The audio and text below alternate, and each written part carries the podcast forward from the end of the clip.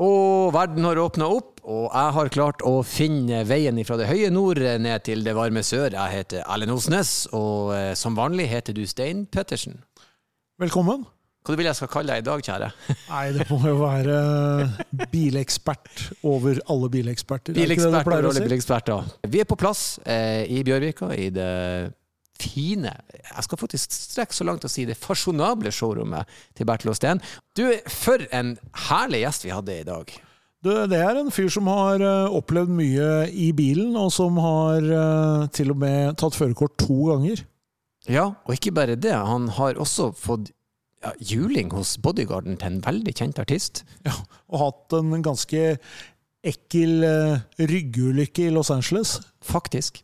Dagens gjest er ingen andre enn eh, den fantastisk hyggelige og morsomme Christian Ingebrigtsen, og som vi koser oss, Stein. Han var helt fantastisk, for en blid fyr. Ja, jeg tror nesten vi må få han til å komme tilbake om et lite halvår og få litt mer eh, påfyll.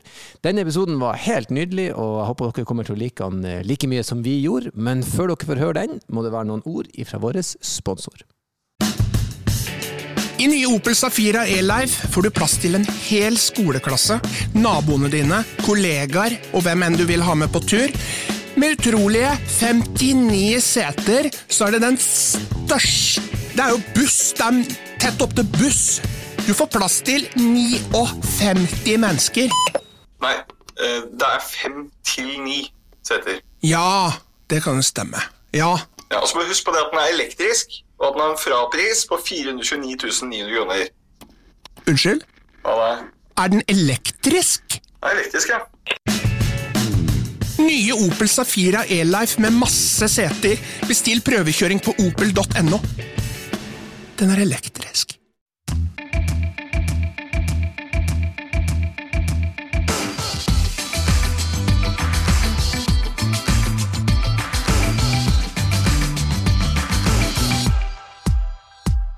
Og der var vi på plass, og eh, hjertelig velkommen til eh, ja, vårt lille podkaststudio her i Bjørvika. Kristian Ingebrigtsen. Tusen takk for det. Ja, eh, først og fremst sånn for høflighets skyld, hvordan går det i disse dager? Går det bra? Du, nå går det veldig bra. Jeg holdt på å si aldri så vondt at det ikke er godt for noe. Jeg har astma, og dermed fikk jeg eh, i går mitt eh, koronasertifikat. Så nå kan jeg gå rundt uten munnbind og føle Ja. meg relativt trygg. Ja, men så bra. Så du har fått det vaksinert deg, ordna alt og styra? og- Rett og slett fullvaksinert. Og det passer veldig fint, for jeg er ute på turné i disse dager, så jeg møter jo en del mennesker. Å ja, du får lov å begynne å reise og underholde og Ja? Og... ja, jeg har fått stimuleringsmidler og alt som er, så det er jo bare fryd og gammen. Eh, Jeg eh, har et nytt album Ja. Eh, ute akkurat nå. Mm. Mitt første på norsk. Oi. Eh, Så det er veldig spennende. Så jeg er ute og reiser litt med det. Og, og det- er litt sånn finurlig. Det er mitt første sånn konseptalbum, som man kaller det. Ja. Så jeg rett og slett har skrevet én sang for hver av de tolv grunnverdiene, ifølge en italiensk forfatter som heter Barnaba Rugieri. Eh, og da er det jo noe vettugt å si mellom disse sangene. Da. Så, da, Ja. eh, så jeg, jeg koser meg veldig på tur om dagen, det må jeg si. Altså. Men så kult. Hvordan, hvordan er det å synge på norsk da, kontra engelsk? Hvordan føles det? Du, det er mye mindre skummelt enn jeg fryktet. jeg, jeg tenkte først at oi, og, og det å skrive teksten også på norsk var jo noe jeg ikke hadde gjort mye av før. Jeg har stort sett ringt Trygve Skau når jeg trengte norske tekster. kan du oversette denne? Uh, men nå forsøkte jeg meg litt selv, og, og det gikk faktisk Det, det løsna skikkelig på dette prosjektet for meg. Uh, så det var gøy å oppleve. Ja, men så kult. Det er jo kjempebra. Altså, er jo heldig som får lov å begynne å reise ut, og det er jo noe man eh, er enda med du har savna i denne perioden. Ja, virkelig. Altså Bare det å bo på hotell. Altså Jeg har savna det så veldig. Det å fly og bo på hotell. Altså når det er blitt en så stor del av livet over så mange år, i 20 år, eh, og så plutselig så er det ikke det lenger, så, så savner man det også. Så, jeg, så her forleden så var vi liksom endelig på turnéstart, og, og det med hotellfrokost, og så Ja sitte ja og ta et lite glass whisky i baren på kvelden etter konsertene før man skal eh, videre på turné. Altså, det var, ah, nå er vi tilbake. Det begynner i hvert fall. Det er ikke helt tilbake. Jeg ser jo det på publikum. Eh, Mm. Det er jo vanskelig å få eh, de store tallene ut i kirkene om dagen. Ja. Eh, og det forstår jeg godt, men eh, vi er i hvert fall på vei ut av eh, pandemien. Det, det føler jeg. Ja. Jeg, jeg kjenner jeg gleder meg til folk, eh, for folk er litt restriktive selv om de er mange i lag. Jeg gleder meg til folk begynner å slappe av igjen, og til vi kan på en måte være Vi er jo flokkdyr, det er det jeg tenker. Så det skal bli godt når folk slutter å være så jævla selvbevisst når de er i lag. og at man kan... Ja, Ja, altså begynne å kose oss, rett og slett. Ja, rett og slett. Det gleder jeg meg veldig til. Og, og du har helt rett. Eh, noe jeg synger mye om, er det at vi eh, er Alle opplevelser da, er Mm. bedre når vi kan oppleve de sammen med andre. Ja. Altså, Tenk deg en fotballkamp oh. hvor det er bare deg på en stor stadion. Ja. Eh, hvis du kunne velge mellom å sitte liksom rett bak din favorittcoach i ditt lag, men være helt alene på stadion, eller sitte øverst i svingen et eller annet sted med 40 000 andre. Jeg vet i hvert fall at jeg hadde valgt 40 000. Jeg tror jeg Stein er med oss. Altså. Absolutt. Ja, jeg, jeg var jo jeg, Det blir en liten digresjon, da, men eh, mitt kjære Bodø-Glimt vant gull i fjor. Og jeg fikk sett mange av kampene, men det var nesten ingen på stadion. Og det var var så trist at ingen fikk Vi fikk ikke være i lag, alle sammen. Så det er Ja. Dere må vinne i år òg, egentlig, for å få tatt ut litt. Ja da. Det ser jo ut som det er muligheter, i hvert fall. Ja da, ja da. Vi skal banke i bordet og alt er mulig.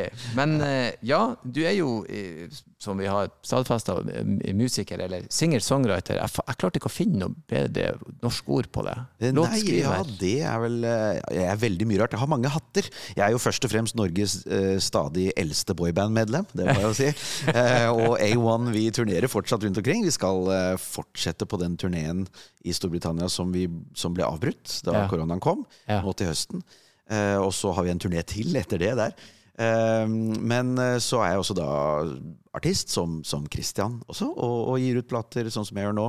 Eh, reiser rundt. Eh, jeg eh, dubber masse tegnefilmer, så jeg er litt Ja. skuespiller også. Jeg har vært, jeg har vært litt på scenen nå. Ja. Gjort Le Miserable på Oslo Nye Teater, blant annet. Og sånn. Eh, men det er vel først og fremst låtskriver og artist. Men så gøy at du liksom har flere hatter og kan eh, gruppe jeg, jeg må jo selvfølgelig si jeg ble jo svært glad da jeg så du skulle være gjest, for jeg har alltid elska boyband. Altså, Ja, så null ironisk distanse. Jeg har bestandig Så jeg ble sånn Shit, han kommer, det blir, det, det blir bra. Det blir bra. Så det må jeg si, jeg er stor fan, da, men jeg vet ikke hvorfor. Og boyband er ikke eh, Veldig mange tror at det er en sånn ting som kom på 90-tallet, men det er ikke det. Det har vært i 60-tallet, 70-tallet, 80-tallet. Det har alltid vært sammensetninger. Eh, Beatles, for guds skyld. Eh, Ja, ja, ja. Ja, det er så mange gode eksempler. Eh, Det så er mange gode argumenter for å kalle a-ha et boyband også, f.eks. Mm. Det er jo ikke et fullt band. Det er en som spiller gitar, en som spiller keyboard. Akkurat som i A1. jeg liker parallellen. Ja, Jeg liker det. Men vi er flere som synger, da. Det er vel kanskje forskjellen. Mm. Men ja, uomtvistelig eh, eh, sanger, entertainer, underholder. Men er du eh, en bilfyr? Er du et bensinhue, som jeg og Stein kaller oss? Jeg er nok ikke det, ikke sånn som dere, men jeg har alltid vært litt interessert i biler. Mm. Jeg kjøpte min første bil da jeg var 15 år. Oi, det er jo, kvalifiserer jo veldig til å være ekstra bilinteressert. Hvilken type bil? Hva du kjøpte Du, det var en eh, boble. Ja. 1300. eh, 1968-modell. Som eh, ble liksom prosjektet til pappa og meg. At vi skulle pusse opp den og gjøre den så lik original som mulig. Og fikk den sandblåst og eh, bestilte deler fra Brasil. Og det var mye rart vi skulle få for å få den helt eh, sånn som den skulle være. Og det ble min bil. altså Den dagen jeg ble 18 år og skulle kjøre til videregående, så kjørte jeg rundt i den. Og det var, det var en så fin bil. Og når jeg parkerte nede på Aker Brygge og, sånn, så, og kom tilbake, så, så sto det alltid publikum rundt den. Det syns jeg var veldig stas. da. Det er kult. Ja, Stein, det kvalifiserer jo absolutt. Jeg syns det er en veldig god start på denne podkasten. Ja. Bobla er jo så sykt ikonisk på alle måter.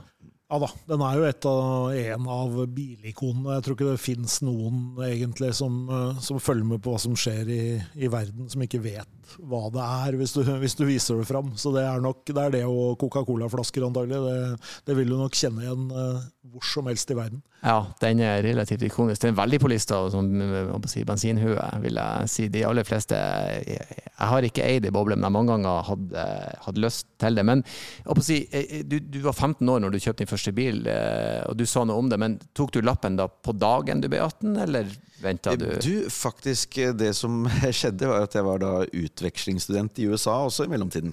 Eh, og i Kentucky, der jeg bodde, så kunne man få lappen da jeg var 16 år. Eh, så jeg hadde liksom et lit, en liten drøm om å få det før jeg ble 18.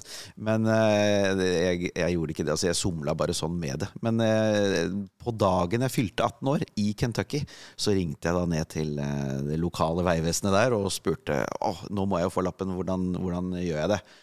Ja, da var det liksom Ja, kan du komme ned i overmorgen? Eh, ja. ja, ta med seks dollar og et passbilde.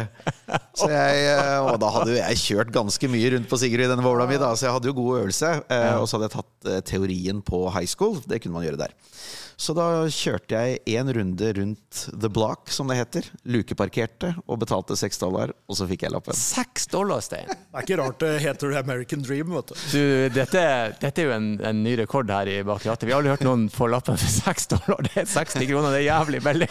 Det hører jo med til historien at eh, ja, også da jeg skulle flytte hjem igjen til Norge, så ringte jeg ned igjen og spurte hvordan kan jeg gjøre dette til et internasjonalt førerkort. Eh, ja, det, da måtte jeg ta med et nytt passbilde og ti dollar denne gangen, da. Så uh, jeg tok med det, og da var det bare å gå i skranken, og så fikk jeg internasjonalt førerkort. Kjørte jo da rundt i Norge med dette uh, en god stund, før jeg omsider ble stoppet i rutinekontroll. På Sigrud, faktisk. Viste fram mitt amerikanske førerkort, som umiddelbart ble tatt fra meg, og jeg ble bedt om å møte på Ski politistasjon mandagen eh, etter. Så viste det at det var noen sånne loopholes i disse reglene. At eh, det internasjonale førerkortet fra Kentucky eh, Det gjaldt ikke så lenge man ikke hadde fast boadresse i Amerika. Og, ja, og så, videre. så jeg måtte ta lappen helt på nytt eh, i Norge. Men da hadde jeg jo kjørt lenge, så det gikk jo veldig greit også. Da. Så jeg bare tok langkjøring Nei, jeg tok ikke langkjøring, det, det slapp jeg. Jeg tok glattkjøring. Men det var egentlig ganske bra. Jeg tror det har redda livet både mitt og andre flere ganger. at jeg gjorde det. For jeg husker jo da jeg kom hjem fra Kentucky og skulle kjøre, kom ned til eh, min første rundkjøring. Hvordan var rundkjøring? For det, det har man ikke i Kentucky. Så jeg måtte liksom stoppe i en sånn busslomme og se på og studere hva de andre gjorde. For å liksom Å ja, ok, det er sånn det fungerer. Så det var mye godt med at jeg måtte ta lappen på nytt. Det er helt Og før, og, før, og før YouTube så gikk ikke an å gå inn og sjekke der heller. Å, det er fantastisk. La meg se litt i busslomma hva de andre gjør. Det, det, det, jeg tror det, er, det er litt noe nordnorsk over det òg. For det er veldig mange som har kjørt opp i distriktene oppe i nord og sier sånn Rundkjøring? Dette Det har jeg en vag minne om, men jeg har aldri sett noen kjøre i det. Ja, men Det er jo helt nydelig. Så i alle fall en, en veldig original eh, å si, eh, måte å ta sertifikatet på. Ja da, det var det. Så jeg, har jo, jeg er den eneste jeg kjenner som har tatt lappen to ganger uten egentlig å, å stryke. Så på noen av dem. Men eh, det, det gikk jo eh, Ja. Det gikk fint. Og etter det så Den bobla mi, den, den eh, gikk jo mye, da. Men vi hadde et problem med den, fordi at jeg fikk aldri fiksa det problemet at det lakk litt eksos inn. Eh, Så jeg, jeg kjørte ganske ofte med sånn skjerf rundt munnen og så vinduet oppe, og litt sånn Ace Ventura med, med ansiktet ut av vinduet. Og kjørte til skolen og sånn var det. Eh, Og på vinteren så var jo den på lagring, så da, da fikk jeg låne mammas gamle Datsun. Datsun, eh, Men Stein, er ikke det du som er eksperten her, eh, er ikke det et velkjent problem på folkevogn, det der at du får litt eksos inn? Jeg har vært borti det med to andre. Det er jo veldig sånn Alt sitter jo liksom Alt er jo bare bak der, på en måte. Ja. Sånn at eh, hvis Pakka det- inn hvis under det- i motorrommet, Så det er nok ikke helt, er nok ikke helt uvanlig. Det er jo noen det har jo vært noen uh, ulike episoder knytta til det der, sånn, men det er jo en ganske sånn eh, Det er jo en slitesterk eh, og ganske sånn utprøvd eh, modell, da. Med en sånn liten luftkjølt eh, bak der. Ja, Det som var fint med den, var at vi, vi satte den på en sånn låve ute i Enebakk et eller annet sted. Til storage på vinteren, og så tok den fram på sommeren så den ikke skulle ruste. og sånn da. Så pappa var jo litt sånn med eh, Ja, han var jo med på hele prosjektet. Og han la nok mer penger i den bobla enn jeg gjorde da jeg kjøpte den. Eh, men det var liksom min bil da, som jeg fikk kjøre. Men det som var fine, var at hver eh, på våren når vi tok den fram, det var én eller to start, eh, satt inn batteriet, én eller to start, bom, så var den i gang. Det var aldri noe problem å få, få starta. Så det, var- det var en utrolig bil.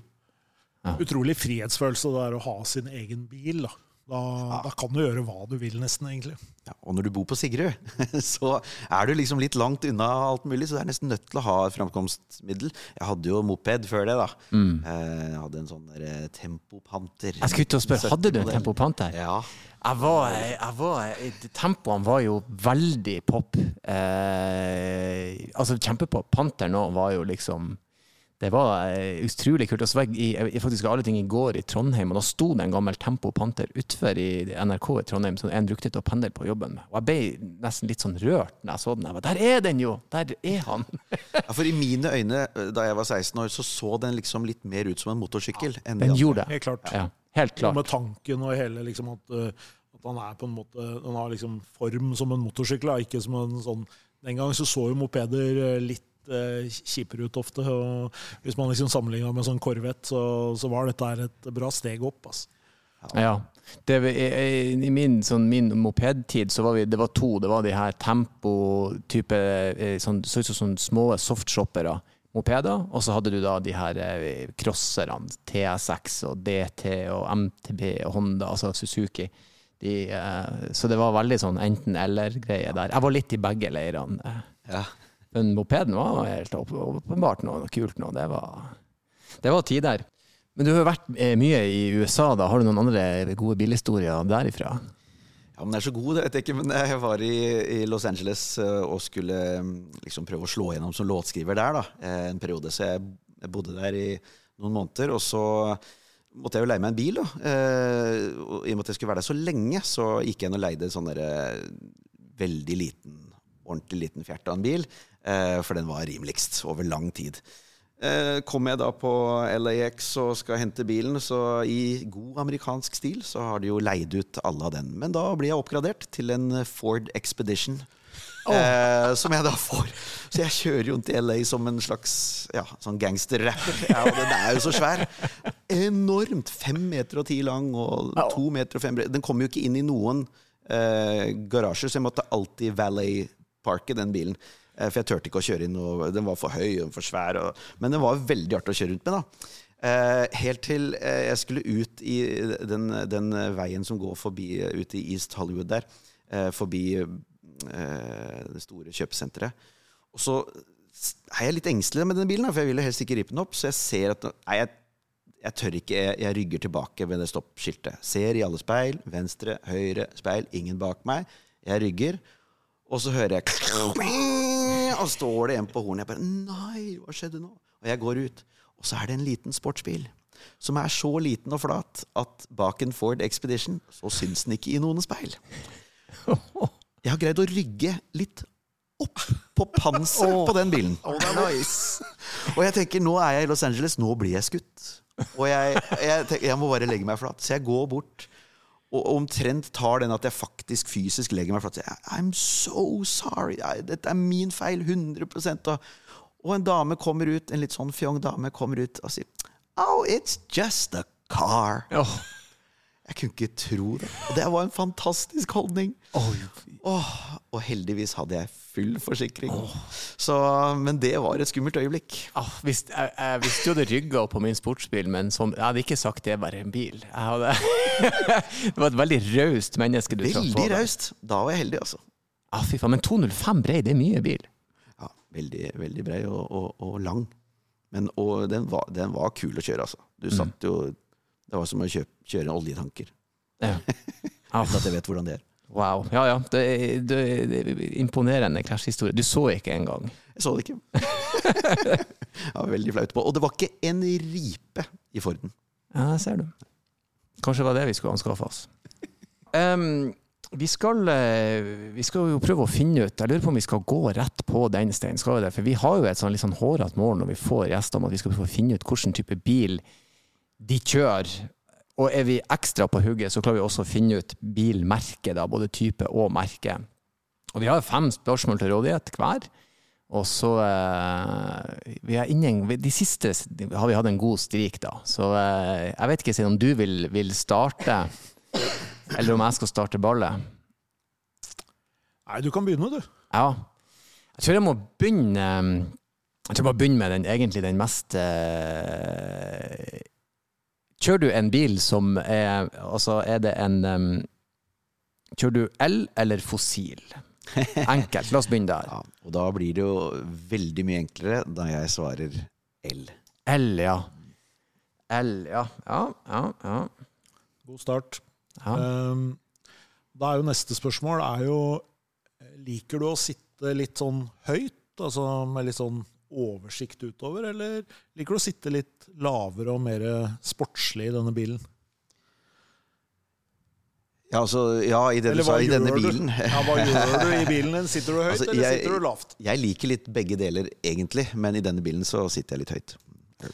ja, ja, ja. Um, sit down. dette er jo eh, Skal vi se Snakker vi eh, en amerikaner eller en europeer? En amerikaner. Ja da, jeg tror jeg Stein skal få lov å hive inn den her.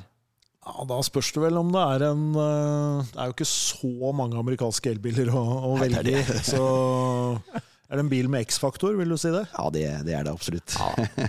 Så da var det altså en Tesla Ja, X. helt riktig. Ja.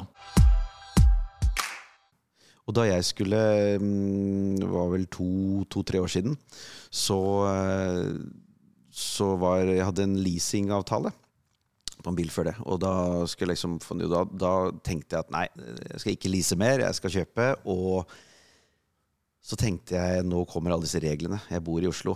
Nå må jeg ha en bil som, eh, som jeg får lov til å kjøre om noen år i Oslo. Og så ikke minst så trenger jeg alltid god plass i bilen, for jeg har alltid mange gitarer med meg og keyboards og alt mulig rart av utstyr.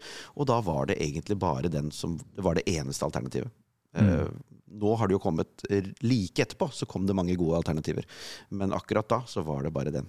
Og jeg er jo veldig glad i den, så superfornøyd med kjøpet. Mm. Men du, hvor lenge er det siden du kjøpte den, sa du?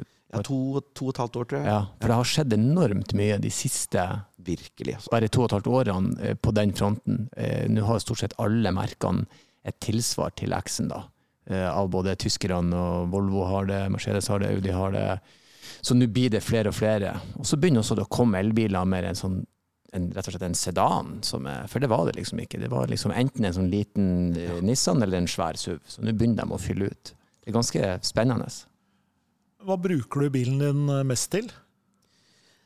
Altså, jeg bruker den jo hele tiden. Både selvfølgelig til butikkærender og sånn, men aller mest på turné, da, når jeg er ute og reiser. Så kjører jeg rundt og ja, inn og ut med utstyr og gitarer og sånn. Eh, Men det er klart, eh, det, er jo, det har jo litt rekkeviddeangst noen ganger. Men eh, det har gått veldig bra. Så jeg har til og med vært på norgesferie. I fjor så kjørte vi rundt omkring til Trøndelag, til mm. Ålesund og rundt omkring. Jeg måtte ikke vente i kø én gang på ladingen, og det tror jeg kanskje det er det du kjøper med Tesla, da, er jo det, det ladenettverket. Eh, og um, selvfølgelig også flotte biler.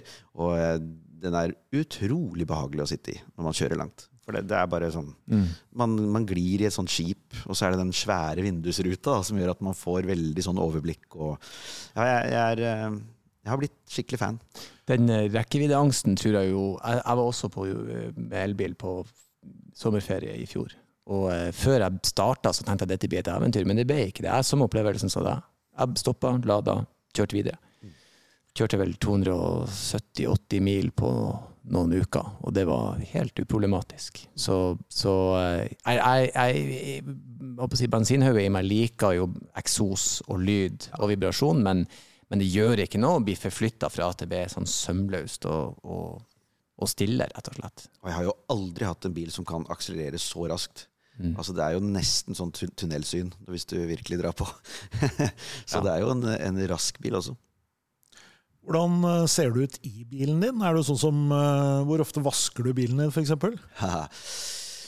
Jeg jeg er ganske ryddig av meg, så inni er det orden og system. Eh, men jeg er veldig travel av meg, så jeg rekker ikke å vaske bilen så ofte som jeg absolutt burde. Det, det må jeg bare innrømme. Ah, så her Det er litt sånn Du kan risikere at han er litt rotete og litt eh, For eksempel du skal hente noen, så er det sånn shit, jeg må få Ja, unna nei, litt før de ser nei, ikke inni. Altså det, er, det er utsiden. Ah, Som eh, fort kan altså Jeg har jo hatt et problem nå, f.eks. At jeg ventet litt for lenge med å fjerne den fuglebæsjen som lå på panseret. mm. Så nå koster det meg litt å få fiksa det. og det må jeg bare si da til alle Tesla-eiere der ute. Eh, jeg angrer sånn at jeg ikke fikk gjort den coatingen med en gang jeg kjøpte den. For det er en helt Det må jeg bare si, at det er det det eneste virkelig negative med de amerikanske bilene, er at lakken er ikke like sterk som de tyske bilene, f.eks. Eh, det skal veldig lite til før det blir både riper og alt mulig i den. Og, men heldigvis er det enkle grep man kan gjøre ved å foliere og eh, ja, få den mye mer eh, solid, da. Mm. Vi har jo et spørsmål som vi eh, bruker å stille alle gjestene våre, eh, og det er eh, på en skala fra én til ti, hvor god er du til å kjøre bil, og hvorfor? Alle svarer vel ti på det, at de er gode til å kjøre bil. Alle tror de er gode til å kjøre bil. Eh, så jeg skal uh, så jeg, I forhold til dere så er jeg selvsagt ikke god til å kjøre bil. Men uh, i, i, sånn, i hverdagen så opplever jeg jo det, at jeg er god til å kjøre bil. Jeg kan jo si det sånn at jeg var med på eh, et av de morsomste TV-programmene jeg har vært med på. Det var eh, Sebra Grand Prix. Husker dere det programmet? Ja, Ja, da, vi har jo hatt programlederen innom her, faktisk. Ja, Ja, det har og vi. det var veldig gøy. Og da må jeg bare si det at jeg i en runde der slo Eldar Vågan. Og han er jo ikke er hvem som helst. Han er flink til å kjøre bil. han er ikke ingen i bilverden, han er veldig glad i Han er bil. Og... rallysjåfør. Ja, ja, ja, så jeg opplever jo at jeg er ganske god, men da jeg fikk bakhjulstrekk, da slet jeg. Det var da jeg tapte. Så der er jeg ikke erfaren nok. Men det, TV 2 Sebra og den her, eh, når var det her sånn cirka? Det må, en- Vi må snakke ni-ti år Ja, siden. Eller sånn. Ja, ti år siden, kanskje. Sånn bilcross uh, ja, stemmer det. Nivå, liksom. Konkurrerte med andre kjente folk om å kjøre fort. Ja, veldig morsomt å være med på. Ja. Så det, det var synd at de kansellerte. Skulle gjerne gjort noen runder flere med, med det der. Men du har ikke gjort noe mer av det, liksom, den her eh, å, å kjøre på bane? Eller det, det tente ikke noe sånn gnist eller interesse? Um, jo da, absolutt. Det er bare tida. Og, og ja, jeg har jo, jobber jo med hobbyen min, som tar ganske mye av tiden. Uh, jeg fikk også vært med sjefen over alle sjefer, da. Ja. Asgeir på, på uh, Rudskogen med en Aston Martin Rapide S, som var uh, veldig gøy. Eh, det eneste dumme er at man må sitte med sånn hjelm og sånn. du, så Det var ikke like den der følelsen av frihet som hvis vi hadde bare kjørt i 200 km i timen uten. Men eh, det var veldig stas. Ja, den, altså, Martin er en ganske slem. eh, Ja, fin bil, altså. Uten tvil en flott, eh, en flott bil. Så du Ikke en praktisk bil hvis du skal ha med deg masse utstyr, men Nei, Nei, nei. Det er jo en firedørsbil, i hvert fall. ja da, du kan potensielt ha med deg unger baki. Så, på, så du har vært med på Sebra, så på skalaen så legger du deg på en På tierskalaen så ligger Ja, du på en kanskje jeg ville lagt meg på en syver, da. syver. Ja, men det er bra. Det er faktisk eh, Det viser litt innsikt. da. Vi har noen som har gått blankt på tieren. Tidligere gjester. Helt klart noen som har enorm selvtillit på egne ferdigheter, og det, det er jo bra, det. da. Men eh, ja, en syver det tenker jeg er ganske greit. da. Men en annen ting som jeg lurer på Du fremstår jo i hvert fall sånn eh, når vi ser deg ute og nå, for så vidt også, da, som kanskje en av de blideste jeg veit om, egentlig. Ja, men, ja, men alltid liksom blid og imøtekommende og, og hyggelig og, og sånn. Men hvordan er du i trafikken? Oi, Altså, har du road rage i deg, liksom, bak den uh, blide fasaden? Ja, altså Det er faktisk det samboeren min sier, det at det er ett sted hvor uh, hun ikke liker hvor uh, sint og sur jeg blir, og det er i trafikken. Jeg blir altså så irritert på folk i trafikken. Det fins altså så mye dårlig kjøring der ute, og, og så mye frekke folk.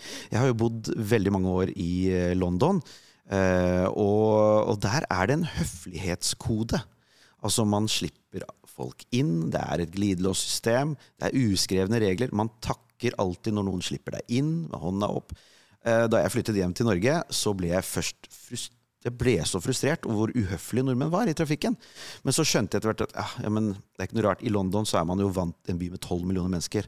Så er man vant til at man er nødt til å ha høflighetskode for at det skal fungere i det hele tatt. Her har vi først nå begynt å få alvorlige trafikkproblemer. Eh, så kanskje vi lærer oss etter hvert, vi også. Men jeg prøver å innføre dette her, da. Takk takke og slippe inn og eh, Men eh, ja, så er det mye tuting på sånn unødvendig tuting uh, som jeg blir uh, Og vi, folk viser fingeren og jeg, Det er Men det verste er at det får jo dette ut i meg også. Når Ja. folk gjør dette med meg, så blir jeg så sint, og så ja, prøver jeg. Jobber, jeg jobber med det, altså. Jeg gjør det. Jeg har, eh, Sinnemestring i trafikken. Sinnemestring. Jeg har, jeg har, eh, ja, men Grunnen til at jeg kanskje virker litt blid, og sånn, det er jeg, jeg har filosofert mye rundt dette. så Jeg har annet en sang med på den nye platen min som handler om takknemlighet. Ja. Og jeg tenker det at uh, takknemlighet det er en god sånn motgift til alt det negative. Og uansett hvor bra vi har det, så er det alltid noe vi skulle ønske var bedre. Mm. Men det motsatte er også sant. At uansett hvor tøft eller vanskelig alt er, eller hvor kjipe folk er rundt deg, så er det alltid noe vi kan være takknemlige for, hvis vi virkelig tenker etter. Mm. Og hvis noen da virkelig er kjipe mot meg i trafikken, så prøver jeg å tenke at jeg er takknemlig. Jeg kjører rundt i en Tesla Model X og kan bare skru på aircon og musikken på fullt, og så skrur jeg på noe gladmusikk, da, vet du, så, så hjelper det litt. Ja, det, det er godt å høre at du er òg i kategorien jobber med det. Ja.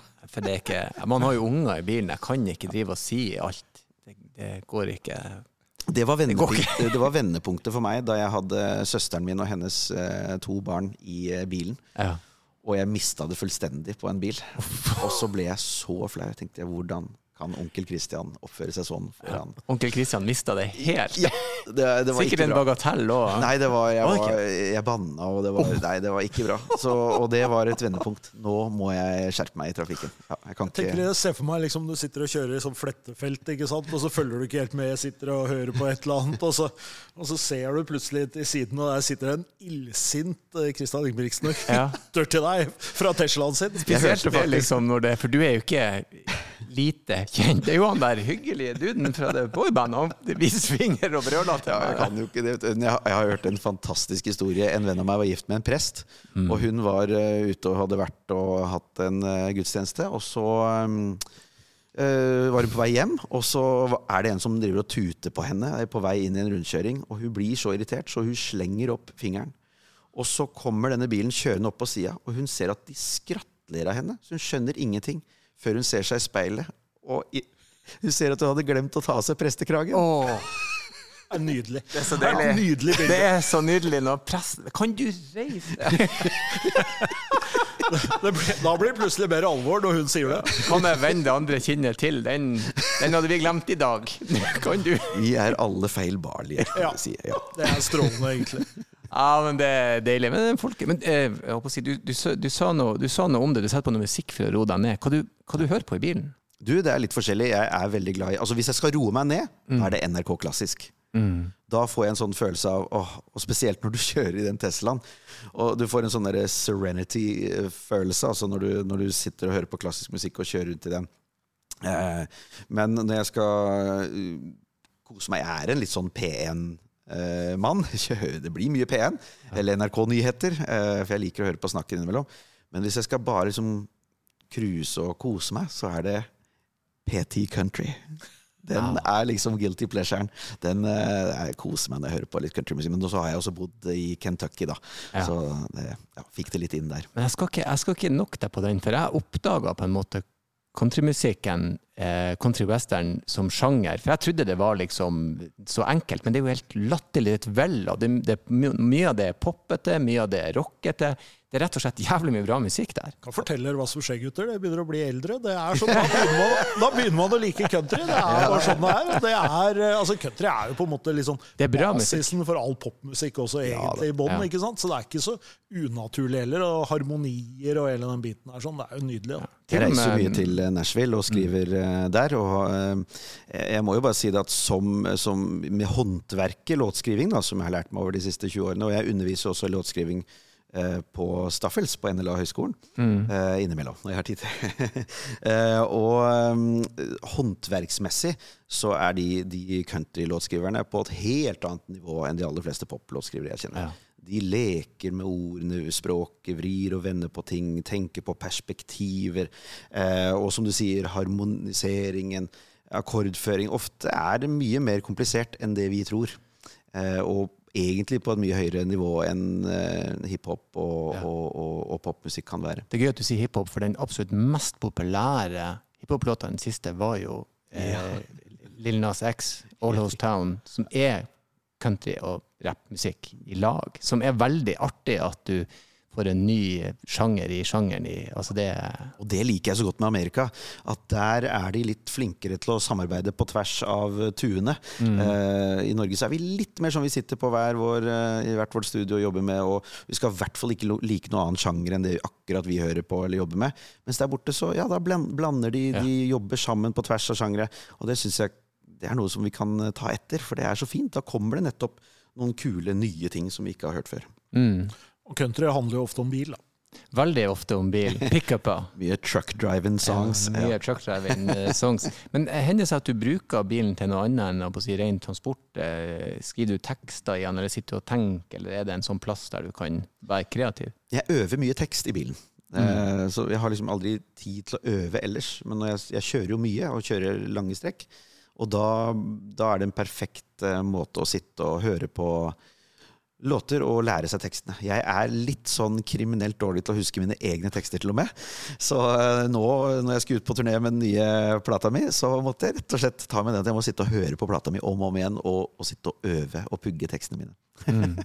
Så, men det er samme liksom, du skal ut med A1, det det er liksom noe du har gjort for mange år, så må du ut og så på en måte brøsje opp igjen, eller kommer teksten? Ja, vet du hva? Etter, altså jeg hadde jo mine første konserter nå på ett og et halvt år, og man blir rusten. Ja. Jeg satt og skulle spille en låt som jeg har spilt jeg vet ikke hvor mange hundre ganger. Plutselig så glemte jeg teksten midt i sangen. Og det var jo så pinlig. Eh, For fansen de kan jo teksten ofte bedre enn meg. Hva, men hva gjør du når du glemmer tekst? Kan jeg spørre deg om det? Da tar man mikrofonen ut mot publikum, og så sier man Come on, guys, help me det skjedde meg altså, Det var en fantastisk opplevelse. Da, dette blir en litt lang historie, men jeg skal prøve å gjøre den kort. Du Eh, skal helt- bare kose deg. Vi, det har vært så mye bra hittil at du skal ikke Ja, men det. Helt i begynnelsen, da vi, jeg studerte jo musikk på LIPA, denne Paul McCartney-skolen, og hadde jo min låtskriverlærer var Uh, en som, uh, som het Mark Pearman, som hadde vært med i Sisters of Mercy. Husker dere det goth-bandet? Ja. Så han, han hadde jo en, en, en veldig lite pop-tilnærming til låtskriving. da. Eh, ingen regler, og det var liksom masse fine måter å få inspirasjon ut av ingenting. Så jeg kom liksom ut av det inn i et boyband. Visste ikke helt hva et boyband var, men jeg tenkte det var en fin måte å få foten innafor døra i bransjen på, så jeg blei med.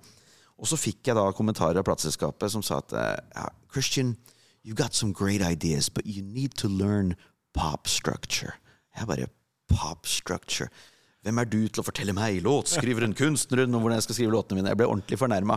Så jeg gikk hjem eh, Altså, det de mente, da, var at jeg skulle studere popmusikk og, og form og hvordan og finne ut hva er det som gjør at dette fungerer. ABBA spesielt. da Hvorfor har dette ligget 450 uker på topp 40 i England? Og jeg skal vise dem popstruktur, jeg. Så jeg gikk hjem og skrev en protestsang. Sånn skikkelig det mest poppete jeg kunne komme på.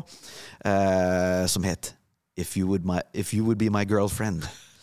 Og det var sånn eh, If you would be my girlfriend Then I would be in heaven Og det, det var skikkelig Det var så mye smør. Jeg smurte på alt jeg greide. Eh, at selv for oss som var et squeaky clean boyband, så var det for mye, liksom. Ja. Men plateselskapet elska det, vet du. Og vi bare Nei, nei, det var en spøk, liksom. Nei, nei, den måtte være med på plata. Sånn. Og vi fikk mast oss til at nei da, ok, vi, vi spiller den inn som en B-side på en av singlene. Eh, og vi, vi satt i studio, og vi lo så vi grein, og la inn alt vi kunne av klisjeer. Sånn ha, ha, ha, ha, ha, og sånn fine harmonier og sånn. Det ble Altså, det var en fin melodi, misforstå meg, men teksten og budskapet, det var altså Det var, det var skikkelig så mye pop som vi kunne fått det. Um, og så spilte vi den inn, la, ga den ut som B-side og glemte den fullstendig. To år senere så er vi på Asia-turné. Vi er backstage i en arena i Bangkok. Eh, og plateselskapsrepresentant sitter da backstage og leser gjennom settlista. Og kommer bort og sier Where is my girlfriend's song? Bare, What song? Og den hadde vi da helt glemt. Altså fullstendig ute av consciousness. It's number one in Thailand! Publikum må jo få den. Det er nummer én. Og jeg bare Nei, nei, nei. Og jeg husket jo ikke den. Heldigvis så hadde jeg demoen på en minidisk som jeg hadde med meg. Jeg spilte inn alle ideene mine på minidisk den gangen. Så jeg satt jo da og pugga tekst alt jeg kunne før konserten. Og bandet kunne jo ikke den, og så det ble liksom jeg med gitaren som måtte ta den. da. Og begynner med første linja, og etter første linja så er det fullstendig jernteppe. Og alle de andre i bandet ser jo mobba og holder på å flire seg i hjel, for de skjønner jo hva som skjer. Men da tar jeg den. Come on, guys, help me out! og så tar hele arenaen publikum fra linje to og synger sangen resten ut. Jeg får frysninger. Jeg fikk gåsehud. Det var helt magisk. Det er Og det ble et av de beste øyeblikkene i min karriere. Kan tenke, Det var sånn wow! Og en av mine favorittplater er sånn Garth Brooks uh, live, hvor han synger uh, eh, Unanswered Prayers, og så gjør publikum akkurat det. Så jeg ble minnet på altså, Wow, nå skjedde det med meg.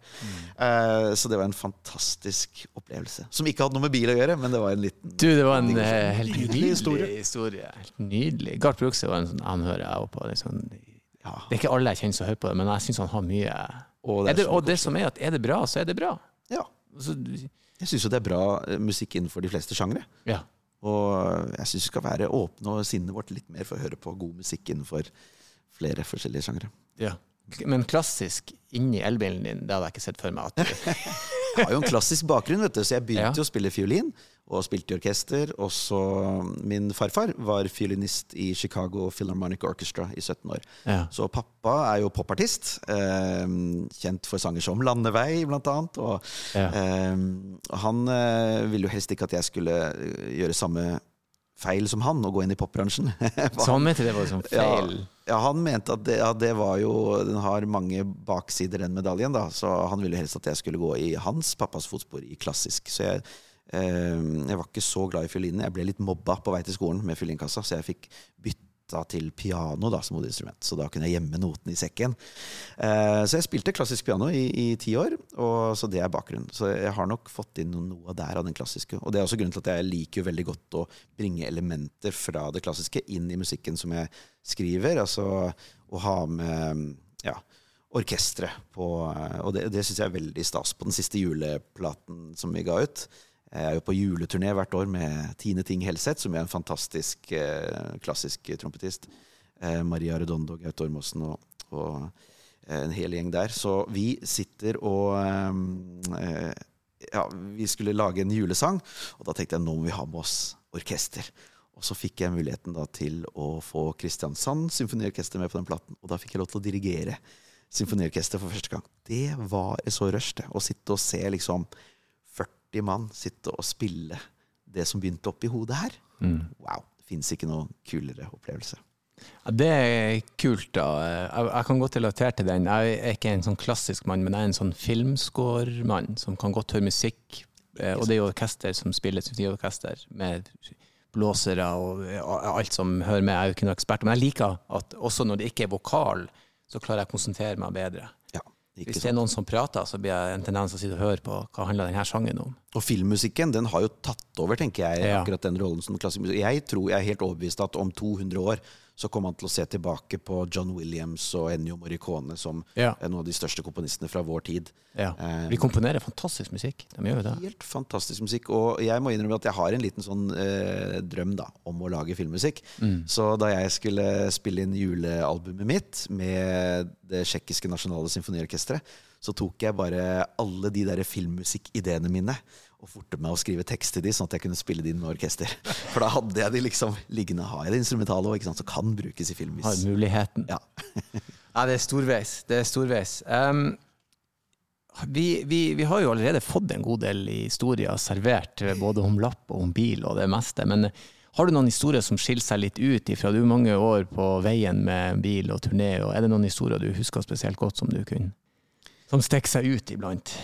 Ja, det er jo en del. Den første som kommer i hodet nå, var eh, Det står en, eh, det står en sånn veteranbil her. En eh, Ja.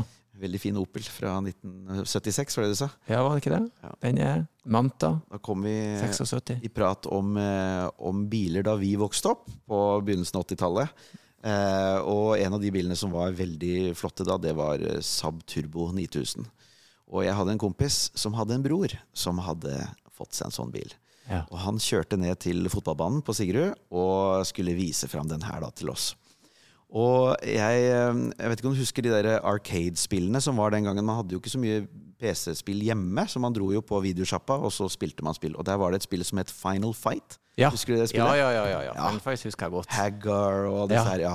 Og så var det et, en sånn bonusrunde der hvor man skulle knuse en bil raskest mulig med balltre eller eh, Det stemmer, det. en sånn pipe. Ja, husker du det? Ja. Så jeg skulle, og vi sto og spilte baseball på fotballbanen, eh, og jeg hadde baseballbat. Så jeg skulle tulle da med kompisen min.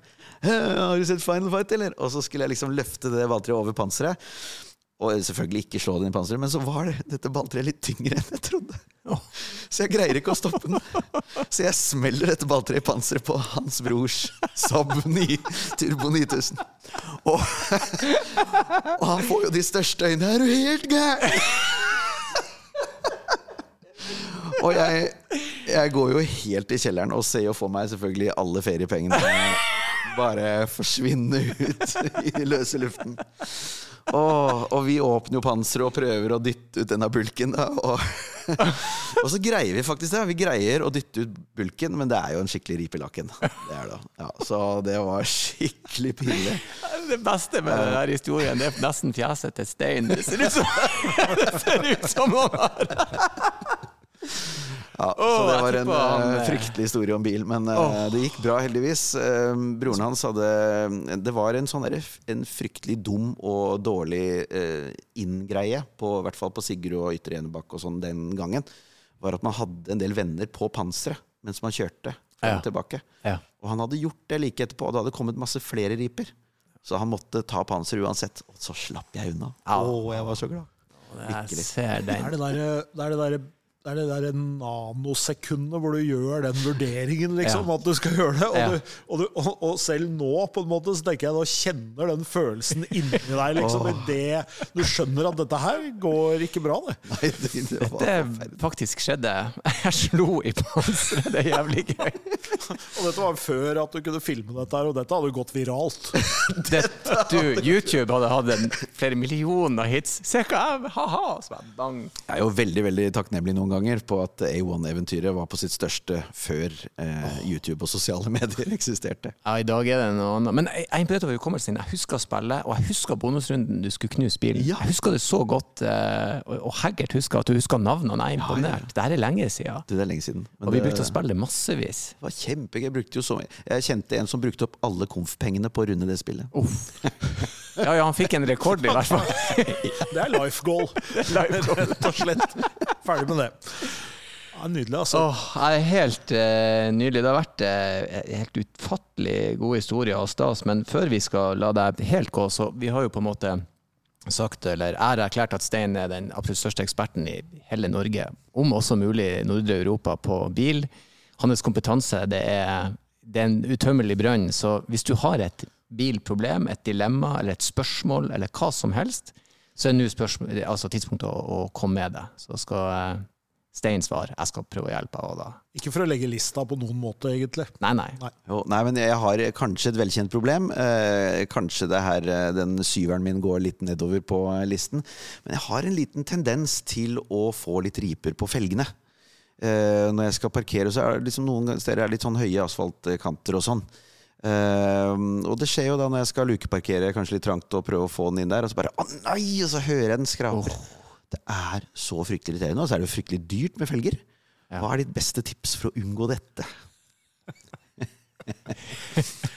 Stå midt i veien. Ja, det er jo egentlig også å, å ta den der Det er selvfølgelig det um, gå litt ekstra og parkere litt lenger unna. Det er, uh, det, det er et bra tips, men det er nok det der å ta seg den lille ekstra tiden når man parkerer. da. Man blir fort litt sånn, særlig hvis det er litt trafikk og sånn rundt deg, så skal du liksom være litt kjekk og bare brekke den inn på en måte. Så det kan nok være det at uh, å sjekke det Sjekke det høyre speilet en eh, ekstra gang før du, før du legger over. Altså, kanskje være litt mindre flau for at du står noen ekstra centimeter fra kanten. Da viser du heller at du er en ansvarlig fyr, liksom, enn at du, enn at du tar den sjansen. Og så, og så har det jo blitt sånn etter hvert at det fins jo firmaer som reparerer felger også, sånn at man slipper å Kjøpe nye, ja. Akkurat som det fins sånn micropaint for, eh, for, eh, for biler, så kan du også gjøre det med felgene. Så det går an å rette opp. Altså, for det er klart Hvis du har en, hvis du har en fin bil, så kan jo fort en felg koste 5000-6000 kroner, eller mye mer. Eh, Jeg kjenner en som eh, ødela en sånn supersportsbilfelge en gang. Og det, da snakker du sekssifra beløp, liksom, bare for felgen. Ja, men Det var et godt tips at det går an å reparere. Kanskje jeg skal, skal gjøre det. da. Men det som er problemet med Tesla Model X, også at den er jo så bred. Så når, du, når jeg ser bilen foran meg, så ser det ut som at jeg er langt ut i veien i forhold til den. ikke sant? Og så blir jeg litt lurt. Men, eh, Neste versjon får sikkert sånn hvor man bare huvrer opp, og så bare, og så bare glir inn. ja, du ikke glir, ja. Hvis du ikke har så mye sånn stolthet, så er felgebeskytterne blitt finere enn de brukte å være, og mindre og mer diskré. Du får kjøpt en sånn felgebeskytter som ligger på en måte i ytterkant, som ser ut nesten som en del av dekket. Før var de veldig store og sånn, og så En sånn stikker hvor det står 'jeg kan ikke kjøre bil', Ja, som du setter på bakruten. For jeg kjenner at jeg har problemer med å sette på en sånn Jeg skal heller ta en felg enn å kjøre rundt på det. Jeg må ærlig innrømme det, men det, det fins i alle fall. Akkurat. Vi har alle tatt en felg. Det er bare sånn det er. Ja, Jeg bruker å skylde på kjerringa, sier jeg det. Det er lurt. Ja, det, det var Hadde skjedd før eller senere. Der har du tipset sitt! Skyld på kjerringa. Du, eh, Kristian, tusen hjertelig takk for at du kom på besøk. Det var helt fantastisk. Takk for at jeg Gode fikk historie, komme. og- Ja, Veldig hyggelig. Ja. Så takk for praten. Takk for praten. God sommer. Ja.